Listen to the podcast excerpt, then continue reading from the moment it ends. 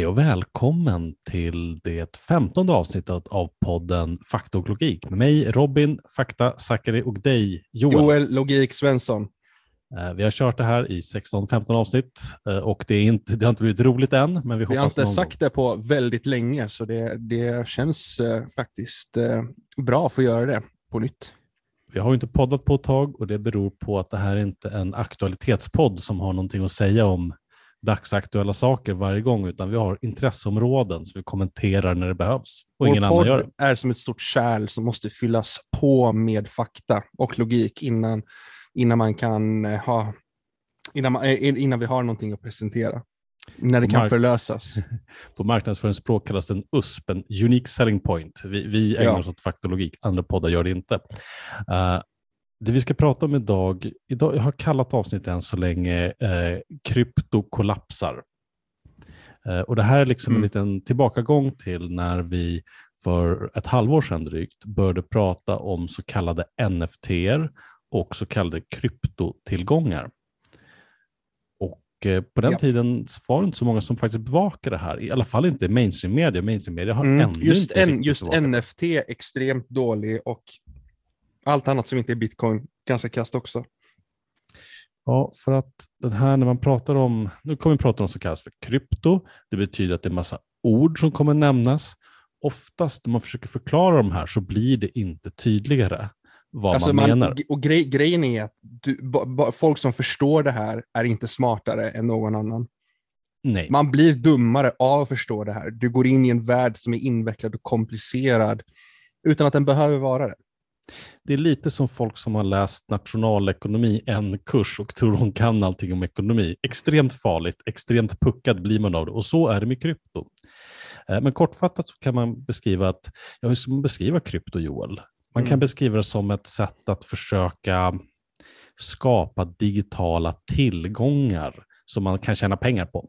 Jag har beskrivit eh, till och från i tidigare avsnitt eh, vad, vad det här är i, i eh, nördig detalj, vad, vad, var det byggt av, och, eh, dataprocesserna som krävs och så vidare. Men väldigt, väldigt, väldigt kortfattat.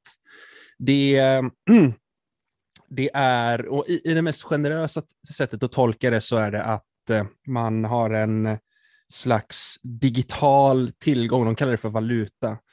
Uh, och jag har funderat på det väldigt länge. Jag har ju varit väldigt förespråkande och kallar det för alltid för digital tillgång, för det fungerar inte som valuta. Men det finns en likhet med valuta som jag faktiskt har fastnat lite vid, så jag kanske kommer till senare. Men i alla fall, digital tillgång, det är så att du ska kunna online utan någon central auktoritet. Inte helt sant, men i på, papp, på liksom i sin propaganda, vad det försöker framstå sig själv som att vara. Man ska kunna ha tillgångar som är helt eh, utan någon central auktoritet som bestämmer, så att du kan ha obegränsad med eh, handel och ja, i sin tur då spekulation utan att det finns några lagar eller någonting som sätter stopp eller någon riksbank eller något sådant. Och det här blev stort kan man säga ganska Tekniken som vi pratar om kring kryptotillgångar, det bygger mer eller mindre på teknik som är antingen typ 50 eller 30 år gammal. Och eh, att det blev populärt någon gång efter finanskrisen, då det är en stor ekonomisk kris som slår sönder ekonomin. Och en del människor säger, men titta på de här bankerna, de är onda, vi måste göra någonting åt dem. Observera, Ja, det här, är en del, den där är, fem, det här är fem rikaste procenten som är arga att de inte är ja. den rikaste procenten. Och det här är också lite av, det, det är inte 100% sant, det finns lite sanning i det, för tidsmässigt, det faller, det, liksom, det, det stämmer överens lite, men det är en del av propagandan i alla fall, för, Ja. vad som, för, för de som förespråkar kryptotillgångar. De säger att det här är som ett svar på misslyckad eh, vanlig finans.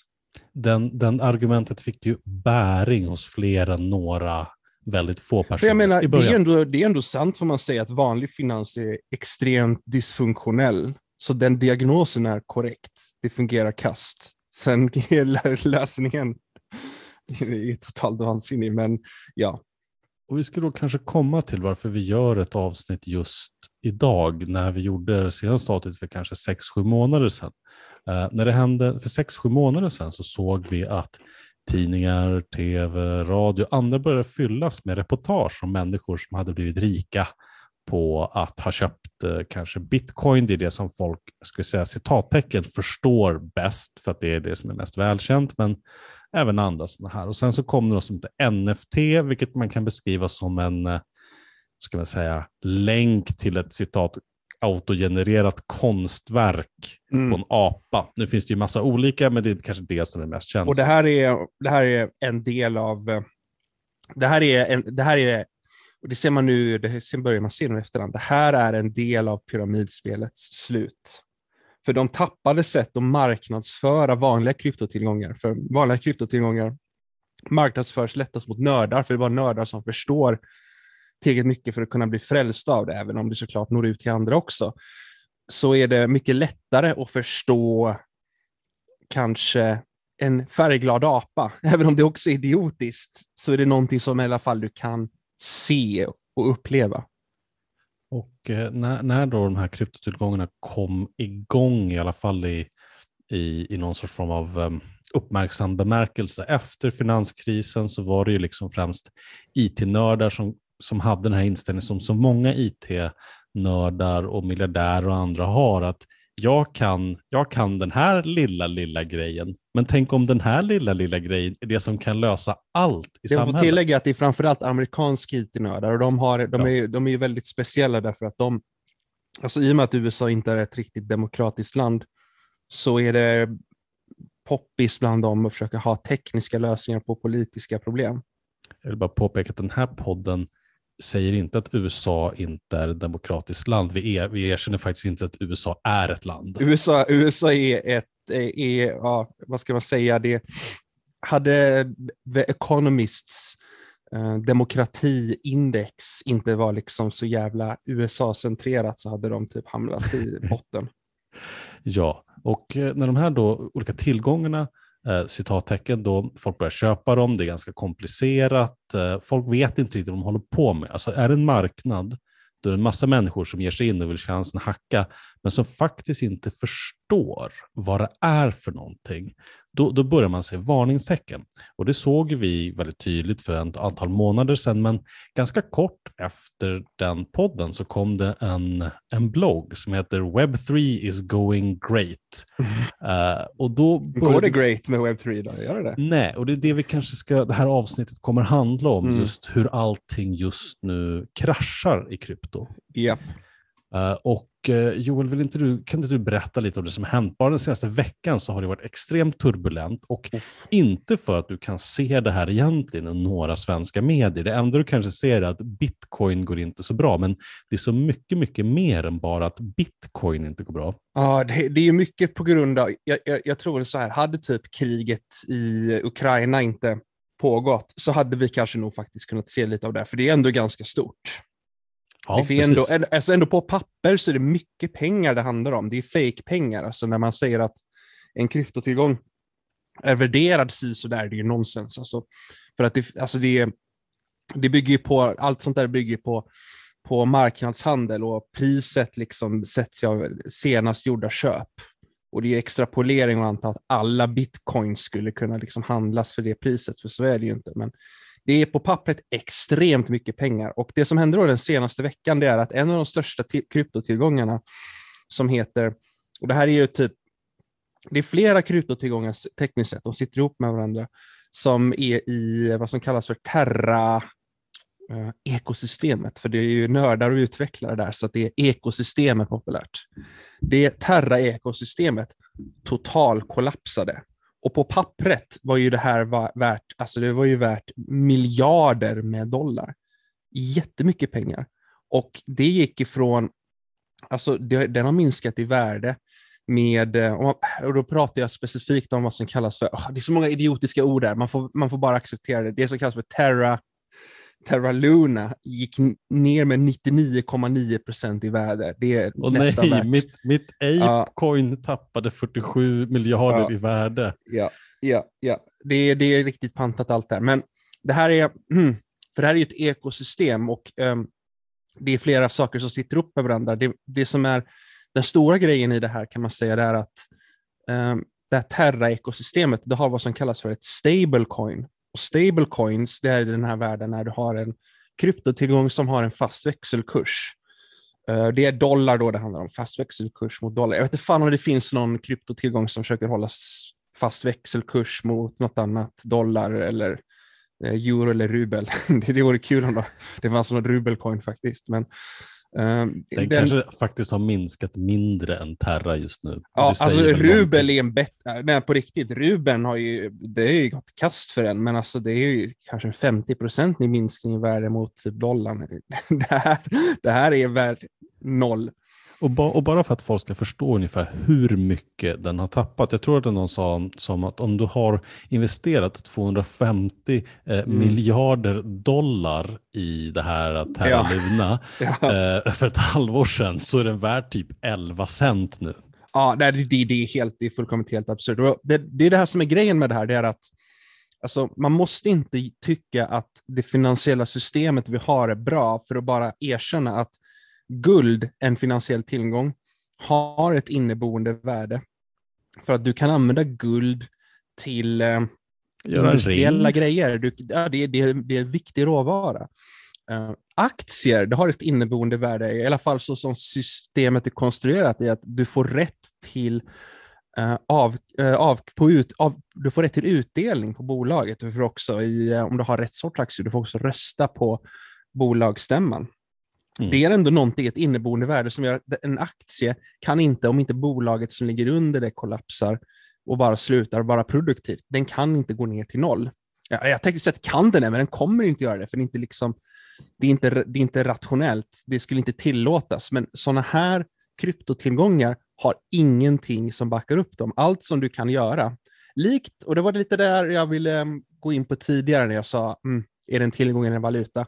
Likt en valuta, när det går åt skogen, så är det du kan göra för att rädda den, det är genom att ha interventioner. Du, I Sverige har vi, ju, har vi ju en valuta som styrs av mycket av vad Riksbanken gör. Mm. Det, är ju, det är inte det enda som gör vår valuta till vad den är. Alltså vi har ju en flytande växelkurs och vår valutas värde är en funktion av många grejer. Man kan sammanfatta det som att det är det samlade värdet av vad eh, typ svensk arbetskraft är värd och liksom vad svenskar kan producera. För det, det är den svenska staten och de svenska systemen som backar upp valutan. Men man, kan, i, man kan göra någonting mer också, du kan gå och handla ja, saker. Ja, och, och, och ja, de, här, de här institutionerna, de i, agerar ju för att valutan ska hållas stabil så att du kan göra alla de här grejerna med det. det, är, det så det är faktiskt ett bra medel för att köpa svensk arbetskraft. Men när du har privata pengar, som vad det här egentligen handlar om, det här handlar om att skapa privata pengar, när du går åt skogen och du ska göra en intervention för att rädda tillgången, då är det endast privata medel som du har att göra med. Och det, det räcker inte. Du, det, det räcker liksom inte. Det, det har visat sig i alla fall just det här fallet vara enormt otillräckligt. När, och det var här, um, jag pratade just lite om det, um, om stablecoin, tappade bort tankarna lite, men bara för att fortsätta på det. Terra, Terra, då, det här ekosystemet, det har ett stablecoin kopplat till sig som kallas för Terra UST, fast växelkurs till dollar. Det sitter ihop med den här andra tillgången som heter Terra Luna. Eh, genom en, och vet du vad, jag, jag, jag, jag, jag funderade på, ska jag studera exakt hur det här fungerar? För att kunna prata om det på podden. Och jag bestämde mig för nej, det spelar ingen roll. Det är man blir totalt faktiskt meningslöst. Bara, ju mer man läser det, så dummare blir man. Ja, ja, man jag kan... bara, jag bara, I grunden är det så att Terra Luna sitter upp med Terra UST och när växelkursen på det här Terra UST, som är den stabil, som ska ha fast växelkurs, när den rör sig åt ett visst håll så att en dollar är värd mer än, oh, förlåt, så att en Terra UST är mer, värd mer än en dollar, så agerar automatiskt genom, eh, genom att det är kodat på det sättet, eh, den här kryptotillgången, så att den, den bränner eh, den ena sortens krypto för att hålla uppe växelkursen för den andra och vice versa. Den är så kallat algoritmiskt stablecoin. Det finns andra stablecoins som inte är algoritmiska, som Tether, som bygger på, ska bygga på, att det finns riktiga dollars på en bank någonstans. Det är väldigt sannolikt att det inte gör det i just Tethers fall, men vi får prata om det någon annan gång. Det är en större diskussion i sig. Um, tillbaka till det här då. Det som hände var att den här kraschen, det som hände var att i och med att, i och med att krypto har fått en så stor nedåtgång på grund av, eh, på grund av övriga finansiella um, svängningar, för att vi har ju haft räntehöjningar till exempel. Mm. Vi har också kriget i Ukraina, det påverkar världsekonomin, men i grunden är det nog mest räntehöjningar som stryper tillgången till det här obegränsade kapitalet som man har ja. kunnat få tillgång med till i princip. För när man har låg ränta... Finanskrisen, ja. eh, sen eh, pandemin, så har staternas hantering av ekonomin väldigt mycket handlat om att gör det i princip gratis. Är du rik, då får du låna pengar i princip gratis. Ja, det är, det, det är så man hanterat det. Du har haft väldigt låga räntor, vilket har gjort att om du har pengar redan, då kan du trycka nästan obegränsat med pengar till dig själv. Mm. För att eh, räntan är så låg. Så. Vad som händer då, vad som har hänt då nu, det är att när räntorna höjs, och det har man sett om man också följer börsen, är att Ehm, priset på tillgångar har gått åt skogen. Ehm, ännu mer så på kryptotillgångar, de har gått ännu mer åt skogen. Det finns inget underliggande värde, det finns bara en tro. Ja, nej, precis. För och att... här måste du, alltså ett företag, alltså aktiemarknaden, kapitalism bygger på kapitalackumulation. Det, det, är liksom, det, det, är poängen med kapitalism. Men då finns det ju någon sorts ackumulation av något realt värde. Någon gör någonting, någon tillverkar någonting. Men ackumulationen i kryptotillgångar, det handlar om att lura in fler människor att stoppa in mer pengar i någonting som ska ge avkastning ja, senare. För, för i och med att det här är den här bisarra hybriden mellan en tillgång och en valuta, alltså du har båda nackdelarna av båda på något sätt. Ja. Så när det går åt skogen, då går det mega åt skogen. Kryptotillgångar är inte som vissa tror, bland annat Moderaternas kommunalråd i Staffanstorp, en bra, ett bra skydd mot inflation. Och Det här är någonting jag sagt tidigare på kommer jag ihåg. Jag pratade om att bitcoin är deflatoriskt och det är det. Så mynten kan öka ju inte i eh, mängd.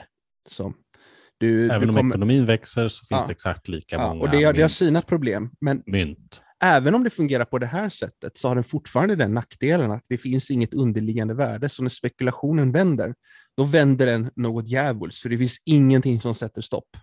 Det är bara vad folks förväntningar, bara vad folk tror. Det enda som kan skydda det här, det är interventionsprogram av något slag, alltså att när man, går, man försöker stimulera växelkursen. Och det här är, det här, det här är, det är ändå bisarrt att det, det, här har sina likheter. Hur, hur det här myntet då, Terra, Terra Luna och Terra USD, hur det kraschade, det har sina likheter med vad som hände på 90-talet. Eh, med eh, där, när, när eh, finansmän utmanade fasta växelkurser genom att, genom att angripa dem. För det, det, finns en pris, det finns en prislapp på allt det här med om du har en viss mängd pengar, då kan du rubba kursen så mycket att det verkligen lossnar. Vilket var det som hände nu, för i och med att allting sjönk så mycket i värde så blev prislappen för att rubba växelkursen billigare. Och när den blev rubbad, då fungerar inte de här algoritmiska mekanismerna i Terra Eh, ekosystemet längre för att hålla igång kursen. Bara så vi går in på vad som hände på kanske 80 och 90-talet så är det två länder som är väldigt kända att man hade fasta växelkurser, eh, man hade eh, finansiella kriser kopplat också och så hade vi bland annat i Storbritannien när Bank of England blev ansatt av det var ganska många olika riskkapitalister. Det är ju främst en person som har blivit känd av antisemitiska skäl varför just den personen har lyfts fram. Ja, alltså det men det ju... var jättemånga olika som gjorde det. Pratar du om pappa George Soros? Ja, men precis. Det är han Sponsor som får... av denna podden. I wish. Skicka mig pengar, mm. uh, George Soros, uh, please. We are suffering at this pod. Uh, men det var många som gjorde det här. Det var inte bara en liksom, enskild, men det är han som har fått liksom, bilden av att det var bara han som gjorde det. Och då knäcktes ju de valutakurserna. Men då finns det ju två då finns det ju någonting, det finns en stat som säger okej, okay, vi släpper den här fri, men vi gör de här och de här och de här sakerna. Mm. Och ett land som Storbritannien och ett land som Sverige, de kan nästan inte gå i konkurs. Uh, Nej, du kan göra saker. Du kan som i Sverige göra massa saker för att få citat, marknadens förtroende som att mörda välfärdssamhället. Alltså, du kan göra sådana saker som en stat ja, för att få göra... stabilitet du... i växelkurser Precis. och annat. Men det kan du inte om du har en hittepå internetvaluta. Mm. Och, och vet du vad? De försökte. Ja, de försökte, men det går inte. Mm. Och de, de la en jävla massa pengar på att göra det. De la en och en halv miljard dollar i bitcoin på, på, Men då ska man fixa det. en och en halv miljard kronor i bitcoins, dollar, det, det är inga pengar. för Mm. Nej, är de som har, kanske det. har möjlighet att knäcka ett sånt här system, det är i princip vilken hedgefond som helst som har hittat något sätt att liksom tjäna pengar på det. De har kanske, ja, det finns olika metoder, men det är, liksom, det, det är inga pengar om Nej, men de pratar sitter på sitt. Excel-ark och så har de, Ja. en, de har liksom en kolumn där det står hur mycket pengar som behövs för att skapa. Man, de prat, i, I sådana här sammanhang så pratar man mycket om vad som kallas för arbitrage. Jag tror det heter det även på svenska. Och det är när du har en obalans som tar en tid att rätta till sig. Och vad det betyder om du agerar på en marknad är att du kan trycka pengar till dig själv om du utnyttjar den. Så att om du är en sån här, om du är en sån här eh, hedgefond och ser det här, då är det liksom, då är det liksom, det här är gratis pengar. Bara gör det på direkten så kommer du kunna trycka gratis pengar till dig. Det är ett otrolig, otroligt bra sätt att mm, öka sitt kapital på. Och i och med att det liksom har gått en utveckling i kryptosvängen från att ha någon sorts form av eh, i alla fall fernissa om att man ska vara en valuta och en utmanare till banker som säger liksom vi gör det här, det här är ett politiskt projekt, stick it to the man.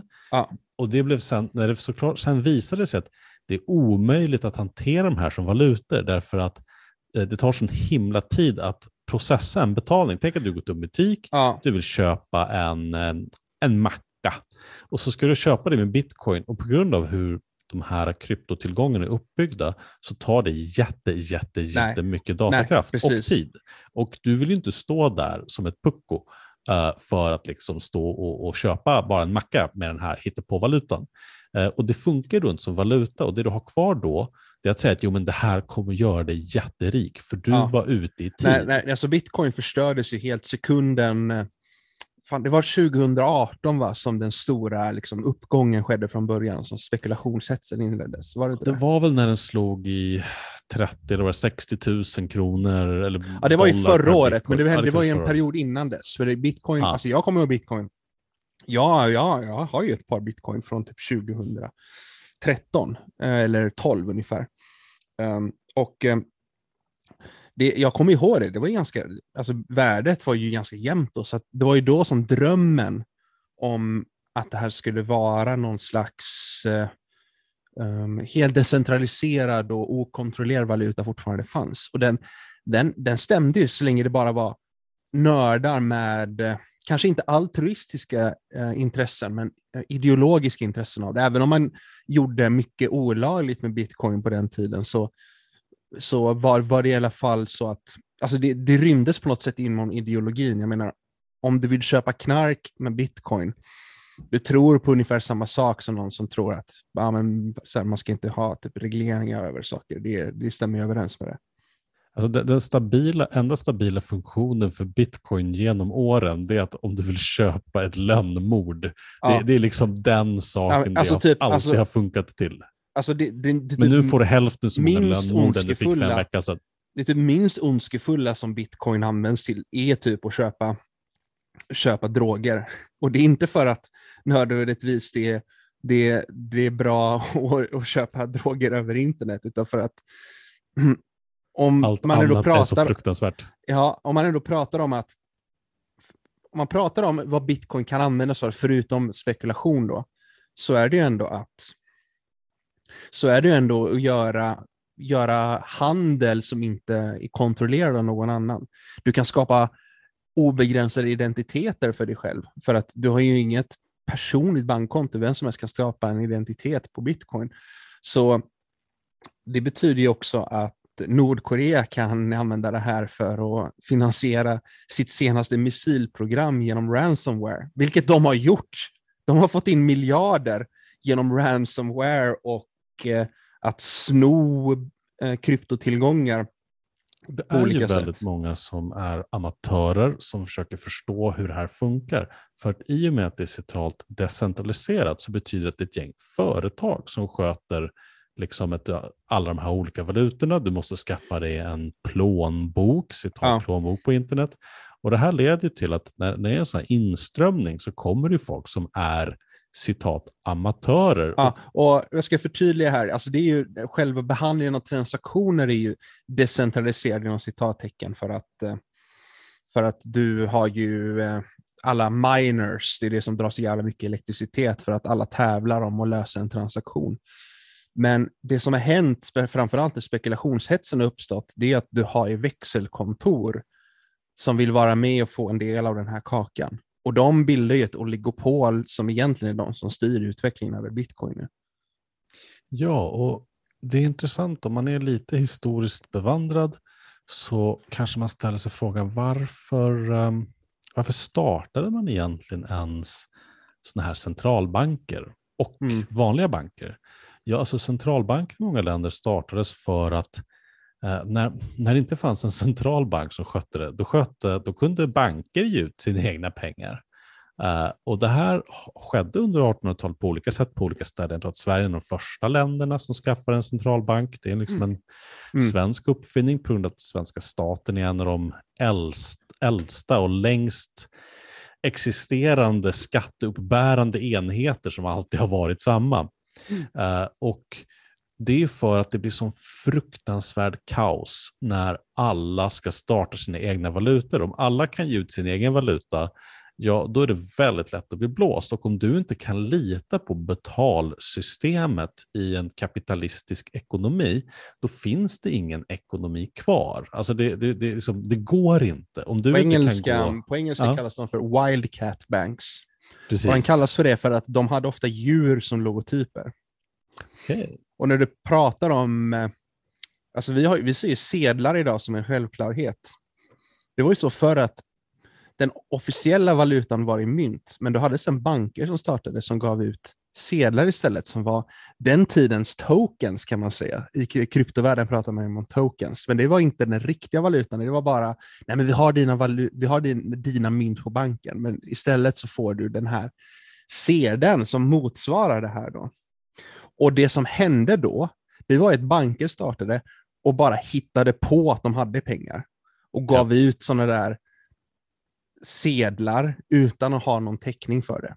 Vilket är exakt vad som händer nu. Det är exakt vad som händer med alla de här stable coins som finns. Stablecoin är väldigt intressant. Det är ett ord som, eller, det, det, det är ett ord som har två ord. Stable och coin. Men den är varken stabil eller varken ett mynt.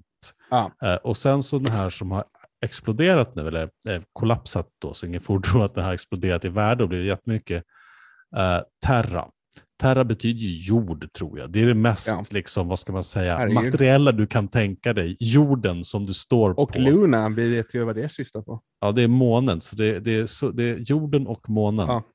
Uh, Lite snurrigt nu det här avsnittet, men vi kanske ja. ska gå tillbaka till Terra då, vad som hände. Men det är snurrigt med det här. Alltså det, det, det går inte att göra, snurrigt. för att det är just den här decentraliserade naturen.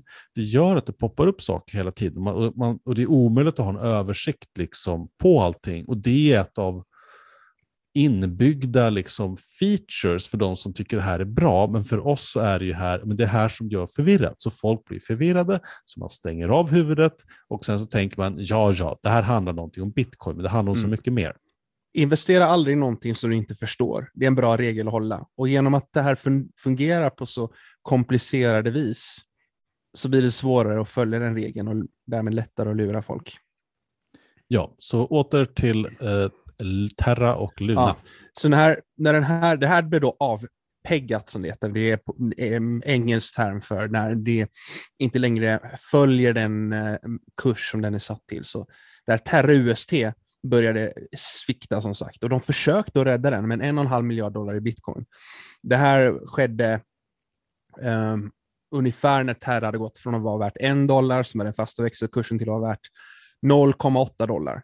När de hade likviderat sina en och en halv miljard dollar i bitcoin, då var Terra värt 0,9. Det liksom rörde det nästan ingenting, den här växelkursen. Mm. Det var helt för sent. Och sen dess var det i princip kört för dem. Det, här, det, det, det blev panik, det blev en stor, för det blir ju en stor bankrun. Liksom folk försöker då gå in och ta ut sina pengar. Och det förstör hela det här systemet, för att i och med att det här eh, stablecoinet är algoritmiskt och bygger på den andra tillgången, Lunas kurs, när den sjunker för att folk försöker likvidera sina tillgångar, då förstörs möjligheten att hålla den fasta växelkursen ännu mer. Så det blir, det blir tryck på flera olika håll, kan man säga. Um, och um, de, eh, de försökte göra en massa konstiga grejer. Han, de, deras grundare på Twitter, Du Kwan, han heter Stablecoin på Twitter, en, en anspelning till stablecoin. Han borde inte få ha det Twitternamnet längre. Han skrev en massa grejer typ om att ja, men bara, bara, bara håll lugnet. Vi har en massa åtgärder på gång. Allt det där är ju bara för att, alltså de riktiga, den riktiga åtgärden för att rädda allt det här som han kunde göra, det är ju bara säga till folk att det är lugnt. För det är det det handlar om i att kryptotillgångar bara bygger rent på hype och på vad folk tror att någonting är värt. Så Alla är det det finansminister och finansmarknadsminister säger ju alltid nej, nej, nej, det här är inga problem. Allt går jättebra dagen ja. efter så. Men då får man ändå man säga att som sagt, räntan. som vi just pratade om, en stat kan ändå göra vansinniga grejer för att, rädda, för, att, för att rädda sig själv när det väl behövs. Det kan inte de här göra. När de har likviderat sin fond som hade sina 1,5 miljarder dollar i bitcoin så är det kört. De kan inte göra ett skit efter det. En stat kan till exempel höja skatten det kan ju inte någon som har en... Man kan höja räntan till 300 procent också. Det kan man också göra. Uh, och då är ju att, nu ser vi ju en, en bred liksom, värdekollaps på hela kryptomarknaden. Uh, Dogecoin som vi har, vi vet ja. inte, har den helt kollapsat nu eller finns alltså, nu, är, nu, nu tror jag att Doge är värt ungefär lika mycket som vi köpte det för. Och då vi som äger Doge vet ju att det finns egentligen bara en riktig valuta att jämföra Doge med och det är Doge. Och en Dogecoin det är, är lika med en Dogecoin. Ja, det är liksom en, det är en, den är peggad mot sig själv. Ja. Uh, det här får vi, man kan bara gå in och se roliga bilder. det är uh, väldigt deppiga bilder nu på Dogecoin Reddit. Men det är i alla fall så, inte som på Terra Luna Reddit där folk skriver att de ska ta livet av sig. Och eh, det är ju liksom väldigt mycket sånt nu. Och bara för, och precis innan det här med Terra Luna kollapsade, och så var det ju en, en ny mätning som kom fram och visade att de här NFTs, som är en ja. form av digitala samlarbilder kan man väl kalla det, eh, digitala hockeykort. Eh, Digital typ. skärma på, stjärna på himlen. Ja, men en digital stjärna på himlen. Det visar att det här var extremt hypat. Det, vi ser ju i olika medier att så här, konstnärer, skaffare, entreprenörer, alla vill hitta något jäkla sätt att använda det till. Men på en av de här större börserna tror jag att de såg att på bara en ganska kort tid så hade det tappat var det 92 procent av andelen handel. Ja, det är volymen på hur många som köper sånt, sånt här minskar ju enormt. Då ska vi också komma ihåg att det finns någonting i eh, krypto som är inbyggt i det som är extremt olagligt i reglerad ja. handel och det kallas ja. för wash trading. Ja, och det är att du kanske köper, du sätter upp två konton och sen köper du en ful bild på en apa till det ena kontot. Och sen ja. kanske du köper den till ett annat konto till lite högre pris. Och det är bara dina egna pengar som, det här, som du handlar med. Och mm. sen så gör du det här tills någon människa som inte är dig eller din kompis, du kanske sitter och säljer fram och tillbaka, ja. eh, och tills det kommer en som är the greater fool och snor den här. Yep. Uh, och, och, och, det här är det som alltså, nästan all den här marknaden bygger på, så kallad wash trading. Och när inte ens den funkar, när du inte ens håller uppe den volymen, då är det någonting allvarligt som har inträffat. Det är att folk förmodligen inte tror att det här kommer ge så mycket och att folk likviderar, de gör sig av med sina tillgångar om de en, kan. NFT med Jack Dorsey, grundaren av Twitters eh, första tweet, eh, såldes som en NFT först för miljoner. Nu såldes den för ett, ett par hundra dollar. Och Då kan man undra, det, det, här är ju då en, man får en länk, en jättelång länk och en massa tecken eh, som säger att det här är en unik bild. Eh, för du kan visa att den här citat tillhör dig. Uh, och det, det, har ju varit väldigt mycket på nätet att folk ser att folk har sådana här bilder och så har man högerklickat och det de Ja. har försökt lösa det här med, i och med att krypto inte gör någonting, alltså det, det löser faktiskt inga problem, då måste du hitta motiveringar till varför man ska hålla på med det här. Och då har man hamnat väldigt mycket i det här att man ska ha så kallade communities. Och det betyder oftast att du får en, om du köper en sån här ful apa, då får du en länk till ett program som heter Discord. Och sen så får du vara med Just på det. en Discord-server. Eh, och så kan det bli sålt det ännu mer. Och jag har gjort ett litet experiment. Eh, jag gick med i en Facebookgrupp för svensk NFT. Oj, ja. Och jag har gjort det för att jag ville skåda det lite inifrån. Eh, hur ser det ut en sån här inuti? Eh, och då ser man att det är människor som i den här Facebookgruppen postar, ja men nu har jag skapat en ny eh, NFT. Eh, Mhm. Bli medlem här. Eh, eller, ja nu, nu, jag håller på att skapa en sån NFT, men jag förstår inte, kan någon hjälpa mig? Och det låter som så här en fin grej, att folk hjälper varandra. Och det är det som är det, i någonstans är vi människor, vi vill liksom hjälpa varandra i grund och botten. Det, det är liksom ganska trevligt. Men Mm. det är ingen som faktiskt hjälper någon annan. Nej. Alla är bara ute efter att få in andra på sin egen scam. Ja. Eh, och det är väldigt, väldigt sad att se nu hur det börjar kollapsa även där. Har Eh, folk att- försökt sälja NFTs till dig för att du gick med i den här gruppen? Ja. Eh, det här har hänt då, när jag gick med i den här gruppen så har jag fått då i min inkorg på Facebook, den här man inte Oj, ja. ser direkt.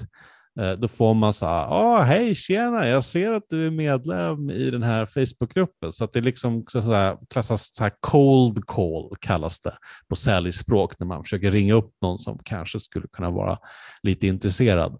Eh, jag har inte, ännu inte sett liksom att folk har eh, blivit deprimerade och vill ta livet av sig, men det, jag skulle inte bli jätteförvånad när, när, när det händer. Um, för att det är ju faktiskt väldigt många människor som har lagt väldigt mycket tid, energi, pengar och faktiskt i sin personlighet. För om du går med i ett pyramidspel, Ja. då bränner du rätt mycket sociala broar. Därför att mm, du måste få in så många andra människor Ja, i precis. det här pyramidspelet. Och då blir du en människa som stör din omgivning med det här. Och Ja. när man väl har gått den hela den vägen, då är det rätt svårt att komma ur det. För att när, ingen vill ju visa för sig själv eller för andra att man har fattat ett väldigt dåligt beslut. Eh, och det blir ju så. Nu börjar man Ja. se folk som går ut på internet och säger, ja men jag gjorde det här, det var dumt. Alltså, vi ser ju folk Ja. som har äldre som har investerat massa av sina pengar i de här bitcoins och annat och nu har de liksom inga pengar kvar. Och det, det finns två reaktioner i en när man ser det. Bara så här, jäkla pucko, rätt åt dig, du, du, du är för dum för att ha pengar.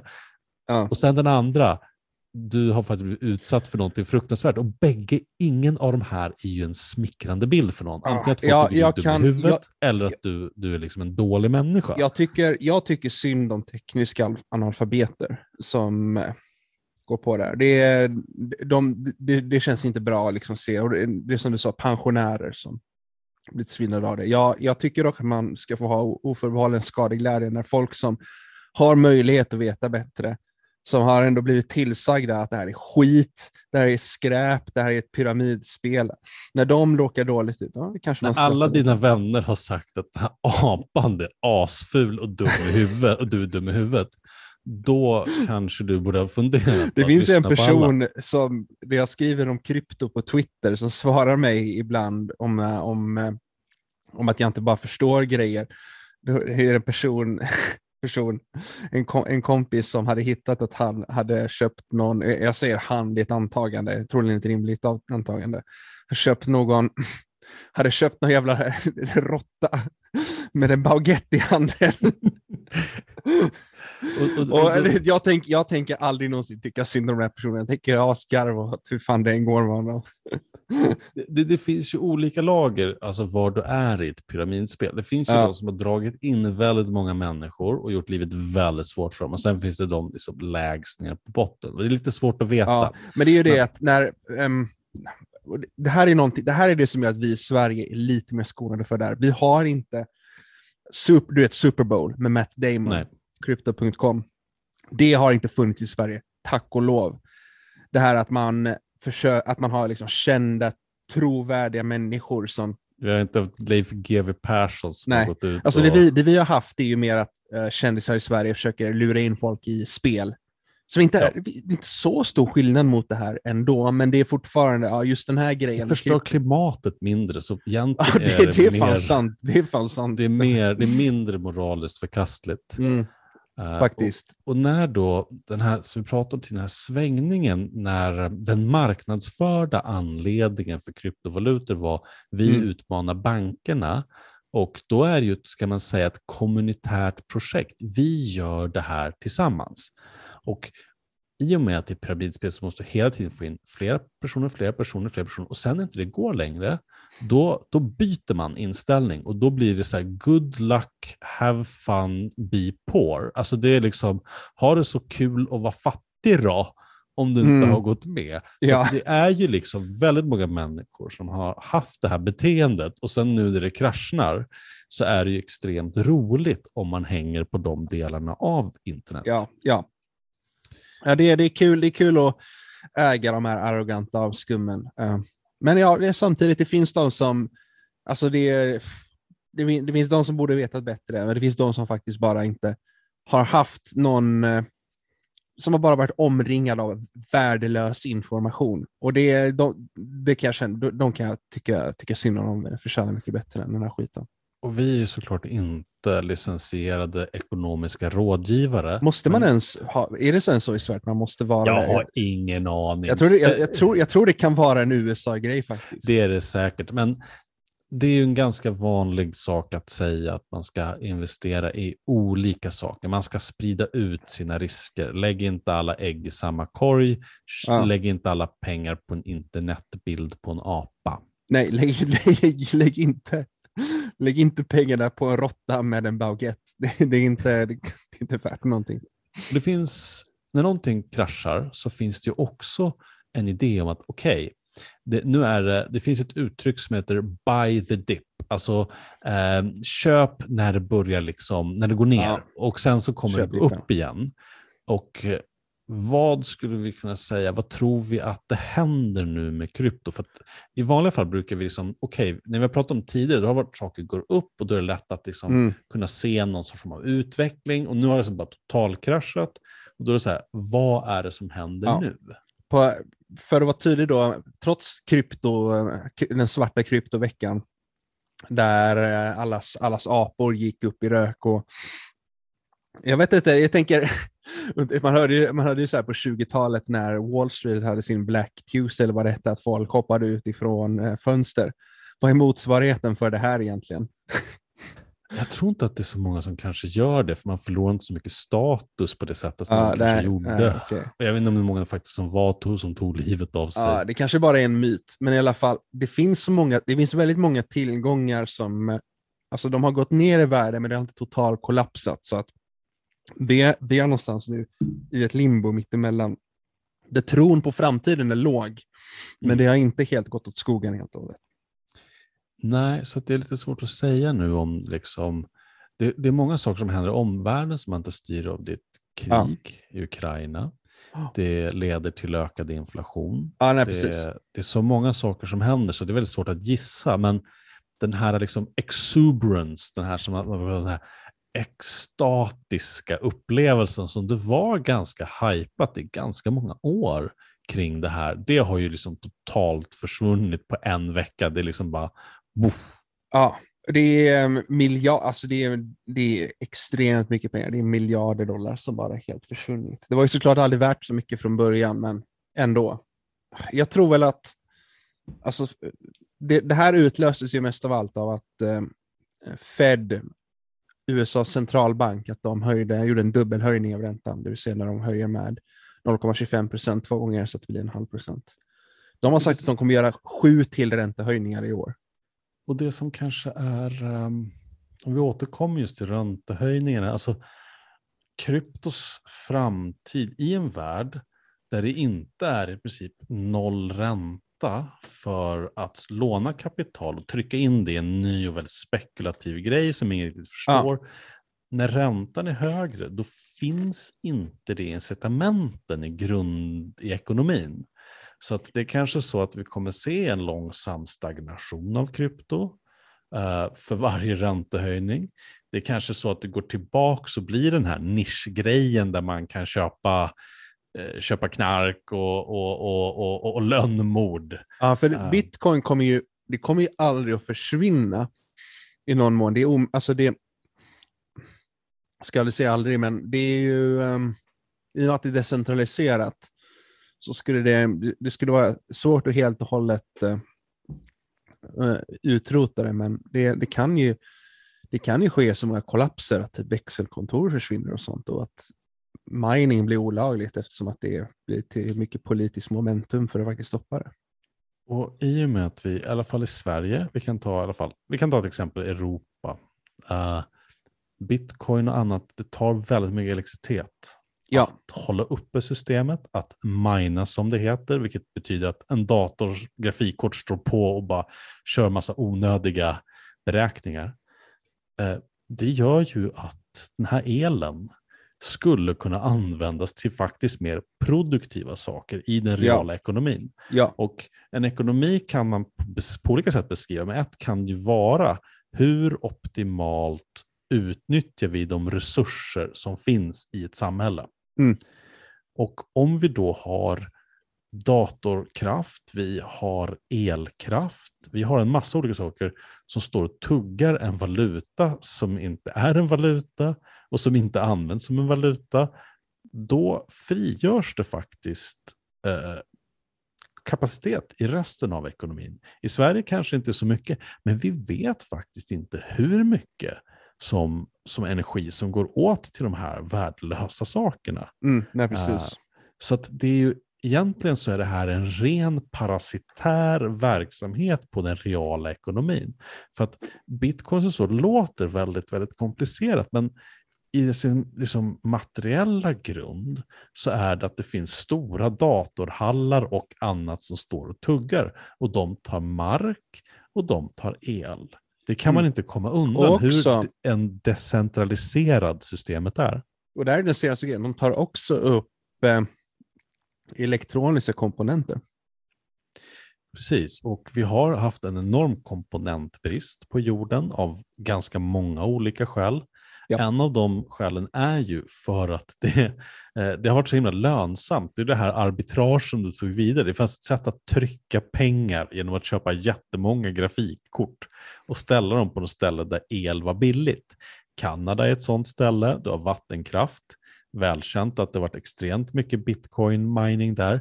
Lite mhm. oklart mm. hur mycket det varit i Sverige. Folk kanske inte varit så öppna med men det har ju funnits ett par det uppe finns, i norra det, Sverige. Det, jag, vet det fin, jag vet det finns. Jag, jag, det finns åtminstone en, det, så långt vet jag.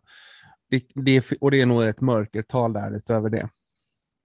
Och Samtidigt så sitter vi och betalar ohemula elräkningar, mest på grund av marginalprissättning när vi exporterar elen. Ja. Men jag menar, om vi skulle kunna, om vi tar bort bitcoins och får mer skatt på att vi exporterar el så är det fortfarande netto en vinst för staten. Ja, nej, precis. Än att de går till någonting som inte används produktivt. nej, det, det, det, här är bara det är rent slösadel. Det är miljontals datorer som sitter och försöker lösa den här ekvationen. Och bara en av dem får vara den som gör att transaktionerna i nätverket fortsätter. Bara en av dem. Och det är det som du tjänar pengar på, vara den som vinner miningen. Det är så jävla slösaktigt. Alltså det är sjukt att det fortfarande är tillåtet i stora delar av världen. Och i och med, i och med att liksom nu marknaden är så mycket i flux så kommer vi nog att behöva återkomma snabbare än 6-7 månader eh, nästa gång för att vi får bevaka det här och se vad som händer. Någonting kommer att hända. Eh, ja. Om det blir räntehöjningar i Sverige också, om det blir räntehöjningar i USA, om det blir räntehöjningar på hela världen, ja då, då kan det här gå riktigt illa. Mm, mm, verkligen. Och det kan ju, man får också tänka sig att mycket av de här pengarna är ju påhittade pengar och bara att folk har handlat med sig själv eh, så att det liksom ser ut att vara stora ja. värden. Nej, det, det, återigen, det finns mycket här som som vi aldrig hade accepterat i det vanliga systemet. Det här att du kan bara byta med dig själv för, som vi sa, det, det som det som bestämmer vad bitcoin kostar på växelkontoren, det vad senaste transaktionen vara på. Alltså det, det är det som marknadspriset är. Så att om du har möjlighet att bara skapa en massa konton massa, och göra en massa fejkade köp, då kan du bara trolla priset till vad som helst. Och det finns ingen som helst översyn över det. Det är helt det är, det är liksom helt orört. Jag vet inte om vi behöver gå igenom så mycket mer nu när situationen är just så mycket uppe i luften. Jag har i alla fall inte mer. Har du någonting mer innan vi avslutar? Oh, alltså ingenting mer än typ uh, ingenting mer än typ detaljer. Bitcoin senast jag kollade var på typ uh, 29 000 dollar per bitcoin i värde ungefär. Det är mer än en halvering tror jag från maxpriset va? Ja, det, det, det, det är mer än en halvering. Ja. Det har gått ner extremt mycket. El Salvadors president som köper bitcoin för offentliga medel, han har ju inte tjänat någonting på sina köp. Det är bara alla hans köp har gått ner i värde hittills. Han har förlorat typ 30 miljoner dollar av El Salvadors pengar eller något sånt. Alltså då ett litet land med liten ekonomi och det var inte bra där innan. Nej, de är på väg mot eh, konkurs. De är på väg att få en kreditstatus som gör att de inte kan låna pengar längre. Och det här är Sveriges El Salvador, Staffanstorp. Ja. Äh, där den moderata politikern eh, Sonesson. Christian Sonesson heter Christian Sonesson. Det yeah. finns så många Sonesson där nere så att uh, man blandar lätt Det är deras dem. Clinton. Det är deras Clinton. Men uh, han är också i rampljus nu att han ville köpa bitcoin. Jag tror att han blev förbjuden av kommundirektören. Ja, det, du kan ju inte lägga var... du kan inte lägga offentliga medel på vad som helst, tack och lov. om, han, om han hade köpt bitcoins för dem vid det läget där han sa att han ville göra det, då hade det gått ner med, från dess till nu är det 40 procent värdeminskning ungefär. Och eh, han ville då inte heller ta emot några flyktingar. Eh, och eh, han vill inte att de ska få ha några placerade heller. Alltså, han vill mer eller mindre att Sverige ska vara en federal stat där varje enskild kommun ska vara sitt eget eh, kungadöme. Men han ska fortfarande få jättemycket i statlig utjämning som Staffan Ja, det är nettomottagare. Det är en stor nettomottagare. Ja, de får, jätte, de får jättemycket pengar från staten för att vi har ett utjämningssystem alla vill vara ett federalt stat men ingen vill göra sig av med utjämningssystemet. Eh, I alla fall sådana här små kommuner. Ja, eller typ alla, alla detaljer som vi får från att vara ett land. För jag menar, vad fan, Staffanstorp, liksom. hur, hur mycket egen typ, industri och produktion har de egentligen? Jämfört Nej, med resten av Sverige. Det, och det är ju också en, en typisk grej i en Skånekommun. Det, det, är inte mycket folk som bor i de olika Skånekommunerna. Nej. Att, eh, det, ja, men det där är ju en, en, helt annan diskussion, men det är väldigt typiskt att det är just en sån politiker i Sverige. Men det är småföretagarpsykos. Liksom. Det, är, det, det är väl den här inbildningen att du kan översätta den lilla skalan så du själv begriper till typ större sammanhang och du tror att det fortfarande funkar. Men det är så märkligt att vilken småföretagare skulle investera i en, i en spekulativ tillgång som kan tappa 40 procent över en natt. Jag är inte säker på att det är så många småföretagare som sitter och har sådana hävstänger. På alltså, sin alltså skämt, skämt, åsido, skämt åsido, det är väl typ arketypen som jag tänker mig investera i bitcoin av entusiasterna är väl småföretagare. Precis, av sina egna pengar. Ah, okay. Jag är inte ah. säker på att de sitter och, och, och, och, och vid sin firma och pantsätter liksom den. I, nej, i, nej, okay. det, det, kan mycket väl vara, ah, vi får se. Det, kanske, det kanske är en sån sak som vi får veta i framtiden. Mm. Men eh, med de orden så tycker jag att vi avslutar det här avsnittet och förhoppningsvis så, så återkommer vi om ganska snart och det har gått ännu mer åt skogen för att det här systemet är omoraliskt, ineffektivt eh, och direkt klimatmördande ja, det är värdelöst. Det finns en anledning till att det här kan gå to zero och vara värt noll, därför att det är inneboende värt noll. Tack så mycket. Vi hörs snart igen. Ha det gött. Hej!